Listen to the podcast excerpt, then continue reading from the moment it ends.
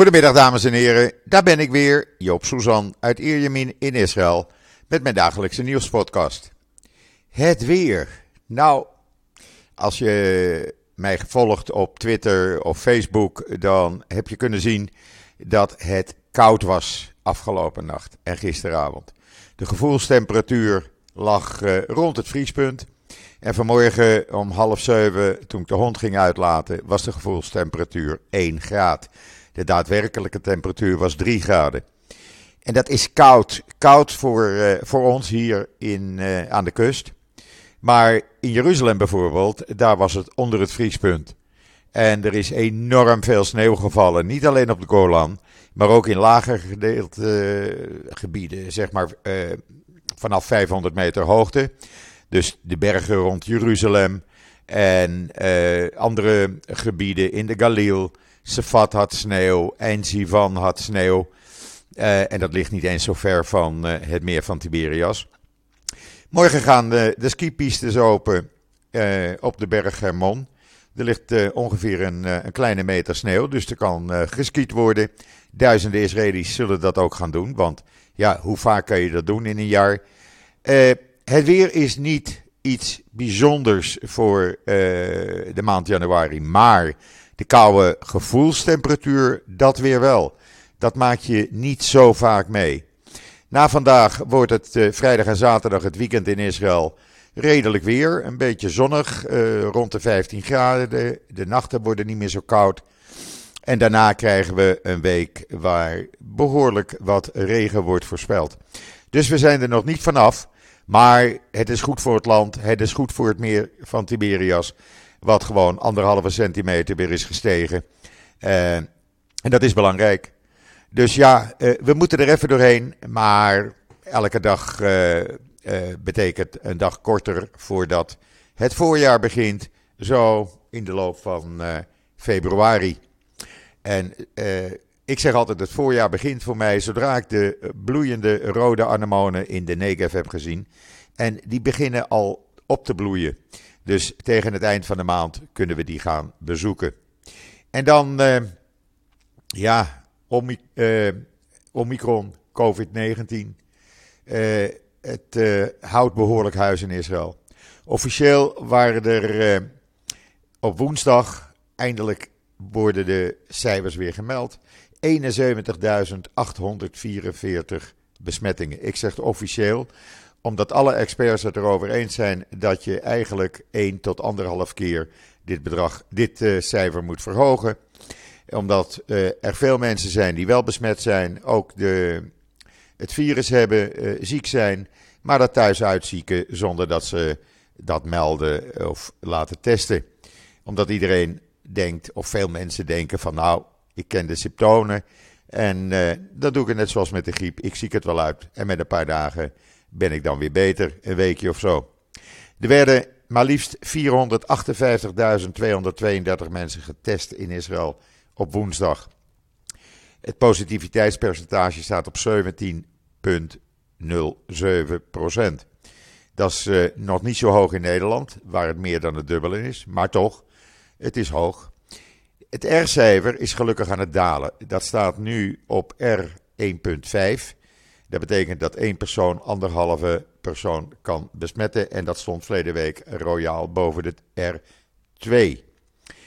Er zijn nu bijna 400.000 uh, eh, actieve viruspatiënten in het land. Gisteravond om 10 uur waren dat er 388.398. Uh, maar dat moeten er dus meer zijn als je dus gewoon eh, 1 tot 1,5 keer dit verhoogt. Zoals alle experts zitten, zeggen. Daarnaast zitten er ook nog eens een keer 146.000 schoolkinderen, of 142.000 schoolkinderen in quarantaine, die in aanraking zijn geweest met uh, iemand die besmet is geweest. Uh, van de bijna 400.000 uh, uh, in quarantaine zittende viruspatiënten zijn 146.000 schoolkinderen. Dat is hoog. Ja, daarnaast heeft men een onderzoek gedaan en gezegd uh, dat uh, kinderen 5 tot 11 jaar die uh, in contact zijn of die het virus krijgen, daar veel minder last van hebben als kinderen die niet gevaccineerd zijn. Alhoewel het maar voor vier maanden beschermt bij kinderen. Eh, 24% van de 5 tot 11-jarigen is één keer gevaccineerd en 12% twee keer, dus het is niet hoog. Vandaar dat er zoveel kinderen alsnog in quarantaine zitten. Opvallend is dat het ministerie van Gezondheid meedeelde dat uh, er ruim 10% van uh, de dagelijks besmette personen, dat zijn mensen die al een keer corona hebben gehad. Die hebben zich vaak niet laten uh, vaccineren daarna. het zijn voornamelijk mensen in de leeftijdsgroep 20 tot 39 jaar. En die krijgen dus opnieuw Omicron. Omicron maakt geen verschil uh, meer of je nou wel of niet al corona hebt gehad. En dat is dus bijna, uh, of royaal 10%. Het varieert, de ene dag ligt het er net onder, de andere dag is het 12%. Maar dit is toch iets om in Nederland uh, in de gaten te houden. Want ja, het is opvallend, het was niet eerder bekend eigenlijk. In de ziekenhuizen blijft het aantal ernstige patiënten stijgen. Uh, er liggen nu in de ziekenhuizen uh, eh, 544 mensen. Die zijn ernstig ziek. daarvan zijn er ruim 100 die kritiek zijn, 105. en een groot aantal van hen zijn aangesloten op beademing. Um, verwacht wordt dat het hier net zo zal gaan als in Engeland. Dat we de komende dagen nog hoge aantallen besmettingen krijgen. En dan in de loop van volgende week, zegt men, zal het stabiliseren en zal het virus snel gaan afnemen. We zullen het zien, we gaan het meemaken. Ondertussen is wel gebleken dat uh, de griep hier uh, aan het afnemen is. Er zijn bijna geen, uh, geen griepgevallen in Israël. Het neemt behoorlijk af. En dat heeft te maken met het feit dat mensen zich beschermen, veel thuis blijven, weinig contacten hebben. En ook mondkapjes dragen. Niet alleen waar het moet in publieke ruimtes. Maar je ziet veel mensen op straat gewoon een mondkapje dragen. En dat is natuurlijk ook goed. En dan hebben in Israël van de ongeveer 9,4 miljoen mensen die hier wonen, ruim 2 miljoen inmiddels uh, COVID-19 gehad in een of andere vorm. En dat is natuurlijk vrij hoog. Dan uh, kom je bijna op een kwart van de bevolking uit. Uh, ik weet niet hoe dat in Nederland ligt. Hier is dat behoorlijk hoog in ieder geval. We zullen zien hoeveel besmettingen er vandaag weer bij komen. Ik hou u natuurlijk op de hoogte. Ik ben blij dat het coronadashboard weer werkt, zodat we daar weer uh, één of twee keer per dag de juiste cijfers vandaan halen. Maar het nieuws blijft doorgaan. Ook nieuws over de Israëlische marine. Want na een lang uh, onderhandelingsproces heeft men met het Duitse ministerie van Defensie en het Duitse bedrijf ThyssenKrupp overeenstemming bereikt uh, om drie nieuwe onderzeeërs aan te gaan kopen. Die moeten geleverd worden binnen de komende negen jaar. En eh, het worden nog meer geavanceerde onderzeeërs als die de afgelopen jaren zijn gemaakt. Eh, het kost wel een paar centen. 3 miljard euro. En dat is hoger als dat eh, wat eerst was afgesproken. Volgens de IDF komt dat omdat de ijzerprijs inmiddels is gestegen en de prijzen van andere producten. Likud zegt natuurlijk: het is een slechte onderhandeling geweest. Dat had Netanyahu veel beter kunnen doen. U kunt het hele verhaal lezen in Israël Nieuws.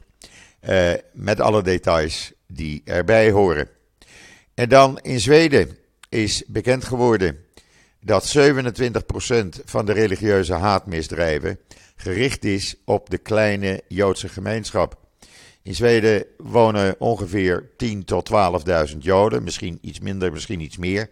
Men is daar niet uh, helemaal over eens.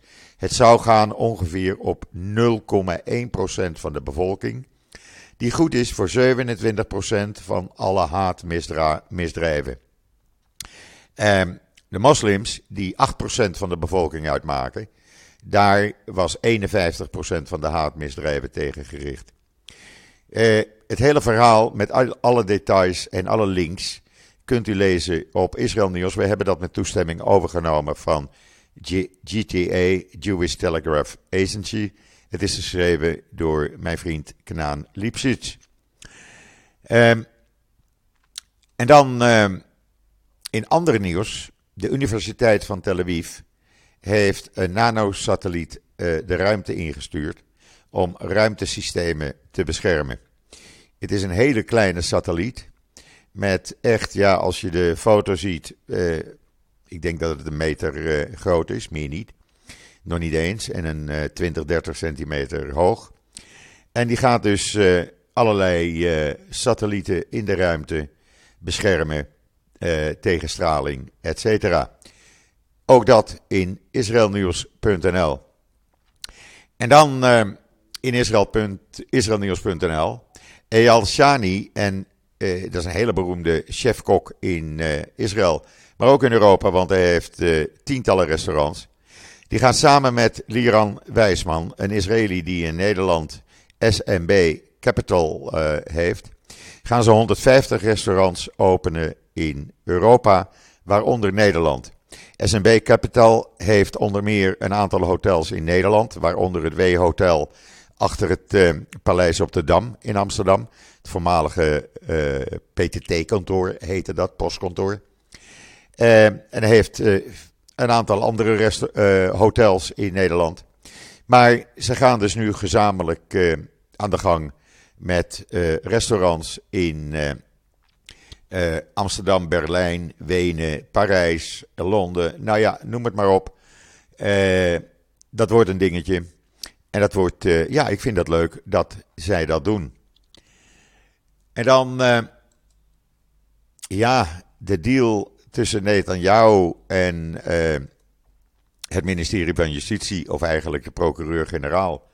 Gaat hij nou door of gaat hij nou niet door? Het is bijna het spelletje, doet hij het niet of doet hij het wel, zou je zeggen. Wat vroeger in Nederland, Nederland op tv was.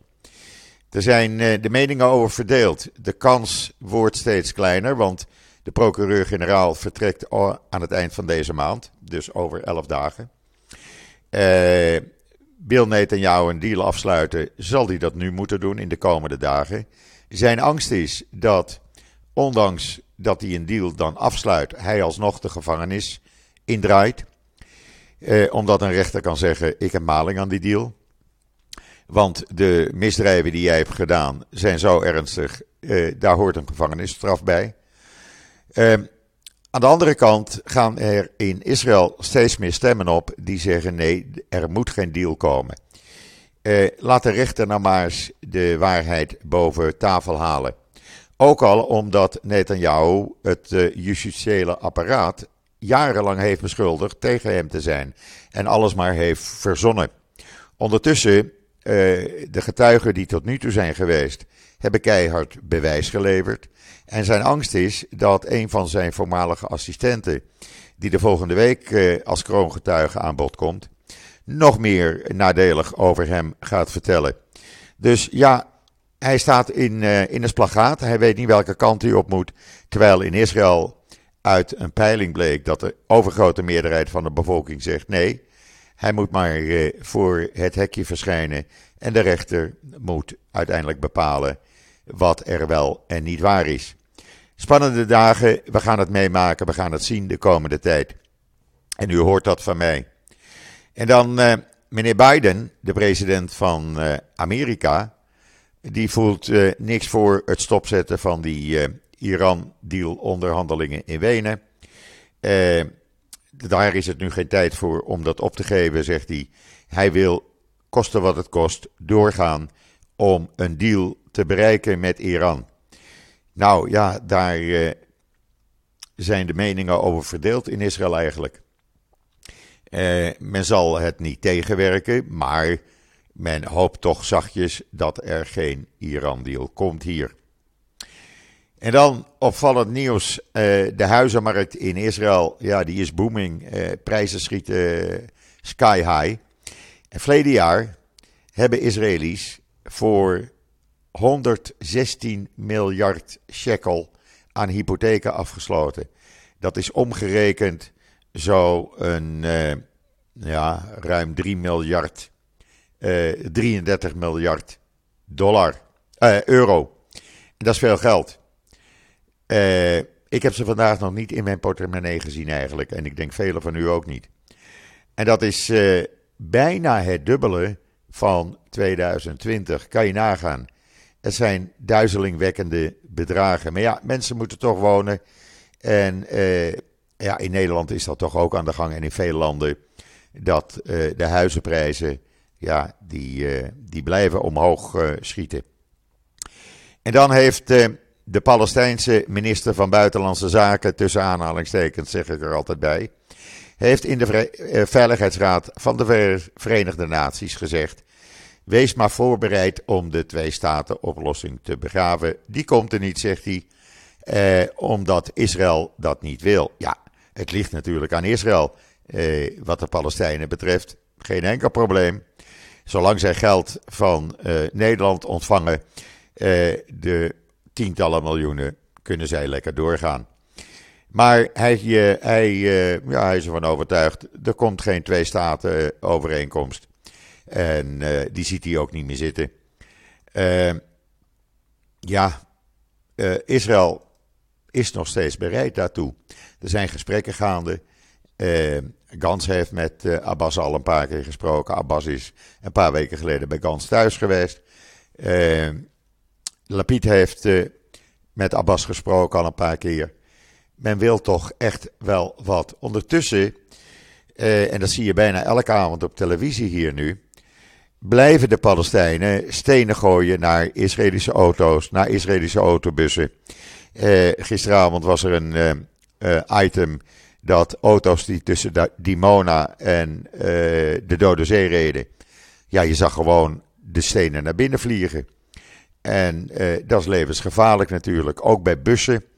En Erdan, de Israëlische vertegenwoordiger bij de VN, die heeft de Veiligheidsraad gevraagd van uh, luister, of het nou een terrorist is met een pistool of een terrorist met een steen, het is voor ons allemaal hetzelfde.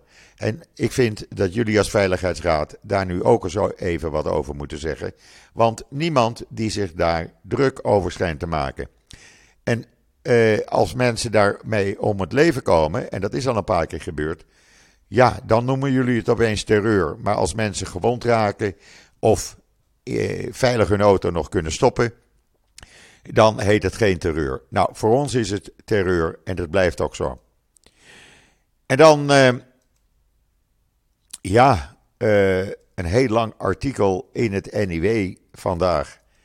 Uh, Esther Voet, waar ik om de twee weken mee aan de tafel zit, die fileert even het boek over wie heeft Anne Frank verraaien. En dat boek moet je gewoon niet kopen. Ik heb het al een paar keer gezegd. Want er is geen bewijs. Het zijn aannames. Het zijn uh, bij elkaar geraapte ja, verhalen.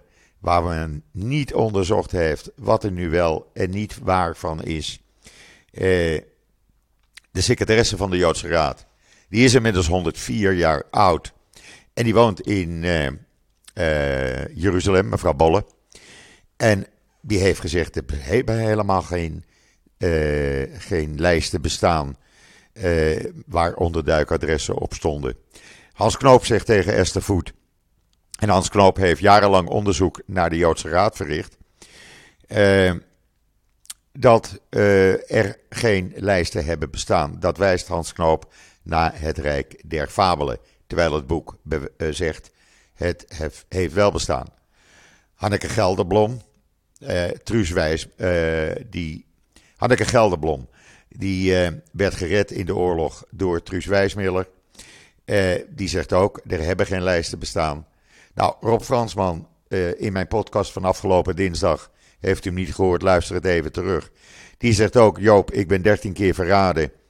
Uh, ik zou niet weten hoe men uh, uh, aan mijn adres kwam. Maar ja, er waren genoeg NSB'ers in Nederland. Dus we zoeken het onder die mensen maar. En dan uh, Bart Wallet natuurlijk. Ik heb hem uh, gisteren en eergisteren al een paar keer uh, daarover gesproken. Die zegt: het team wat het onderzoek heeft gedaan, veronderstelt dat er lijsten waren. En dat die man die beschuldigd wordt, meneer Van den Berg, die lijsten had. Hij zegt: het zijn aannames en daar is geen enkel bewijs voor geleverd. En ja, Ronit Polas, kleindochter van uh, een van de leden van de Joodse Raad, die zegt precies hetzelfde in dat interview met Esther Food. Uh, ja, er worden met losse vlodders eigenlijk geschoten. En als je dat hele artikel leest van Esther Food in het NIW, en ik raad het u aan, even naar de website niw.nl. Uh, er deugt niets van. Dat boek, weet je wat er met dat boek moet gebeuren? Het moet gewoon zo gauw mogelijk in de prullenbak verdwijnen.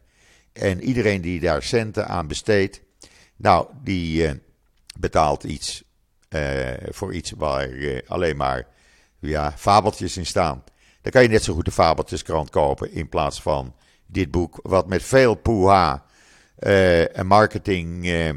de marketing was goed, want het werd met veel poeha aangekondigd in Nederland. En niet alleen in Nederland, wereldwijd eigenlijk. Maar in Nederland kreeg het natuurlijk extra aandacht door de media en uh, zowel de schrijvende als uh, uh, schrijvende pers als tv en radio. Omdat het natuurlijk Anne Frank ingenoemd werd. Nou, Anne Frank kan net zo goed bij toeval ontdekt zijn, zegt een van de geïnterviewden tegen Esther Voet. Ehm, alles is mogelijk, er zijn geen bewijzen. Nou, dan weet u dat. En ik hoop dat dit het laatste woord is wat we hier over uh, moeten zeggen. Want ja, eigenlijk is het geen, uh, geen woorden meer waard. En dan nog even iets uh, opvallends. de president van de Oekraïne, die heeft premier Bennett gevraagd van joh, jij bent toch ook op, op goede voet met Poetin. Kan jij niet bemiddelen tussen Poetin en ons, zodat er geen oorlog komt? Nou, Bennett uh, heeft in het openbaar niets gezegd hierover. Het zou best kunnen dat hij dat gaat doen, maar dan zullen we dat uh, niet weten. Misschien heeft hij het vorige week al gedaan, want vorige week hebben Bennett en Poetin een lang telefoongesprek gehouden. Uh, ja, niemand die het weet, maar het zou best kunnen dat Bennett, dus Israël, gaat zorgen of gaat proberen dat er geen oorlog tussen Israël, of eh, tussen Oekraïne en Rusland komt. Dan zou ik zeggen, meneer Rutte, blijf lekker thuis. Want zoveel invloed als Bennett heb jij lang niet bij Poetin. Goed, dit gezegd hebbende, de airco staat uh, ja aan, want mijn elektrische radiator die trekt het niet meer. Dus ik moest overschakelen op de airconditioning om het huis warm te houden. Uh, hopelijk kan die morgen uit en kan ik het gewoon verder af met mijn elektrische radiator. Maar op dit moment, het is nog te koud. En als je, ja, ik ga geen foto maken van hoe ik er dan uitzie. Want ik schaam me er een beetje voor. Maar ik heb een ijsmuts op, handschoenen aan, een hele dikke sjaal een paar keer om mijn nek gedraaid. En een dik winterjack aan. En op die manier kan je dus naar buiten. Want echt mensen, geloof me. Uh, ja, 12 graden nu. Maar om drie uur is het gewoon weer 6, 7 graden. En we zijn er gewoon niet meer aan gewend. Na uh, ruim 21 jaar Israël, waar je, nou pak een beet, in ieder geval 10 maanden van het jaar royaal boven de 20 graden hebt, is uh, een, uh, een temperatuur tussen de 1 en 10 graden is gewoon koud. En dat zie je ook, want iedereen, ik zag dat vanmorgen, uh, iedereen gaat met de auto boodschappen doen, ook al is het maar een paar honderd meter weg. Maar dan is Joop flink geweest. Ik ben gaan lopen naar mijn slager om voor het weekend wat kip te kopen. En uh, heb me niet laten uh, kennen door de kou. Maar goed, we overleven dit wel. Dank voor alle steun hiervoor, zou ik zeggen. dat brengt mij tot het einde van deze toch wel lange podcast. Ik zie 25 minuten. Nou, maar er was ook zoveel te melden. Ik wens iedereen alvast Shabbat Shalom vanuit Israël. Een heel goed weekend. Eh, hele fijne voortzetting van deze donderdagmiddag. Ik ben de zondag weer en zeg zoals altijd: tot ziens, tot zondag.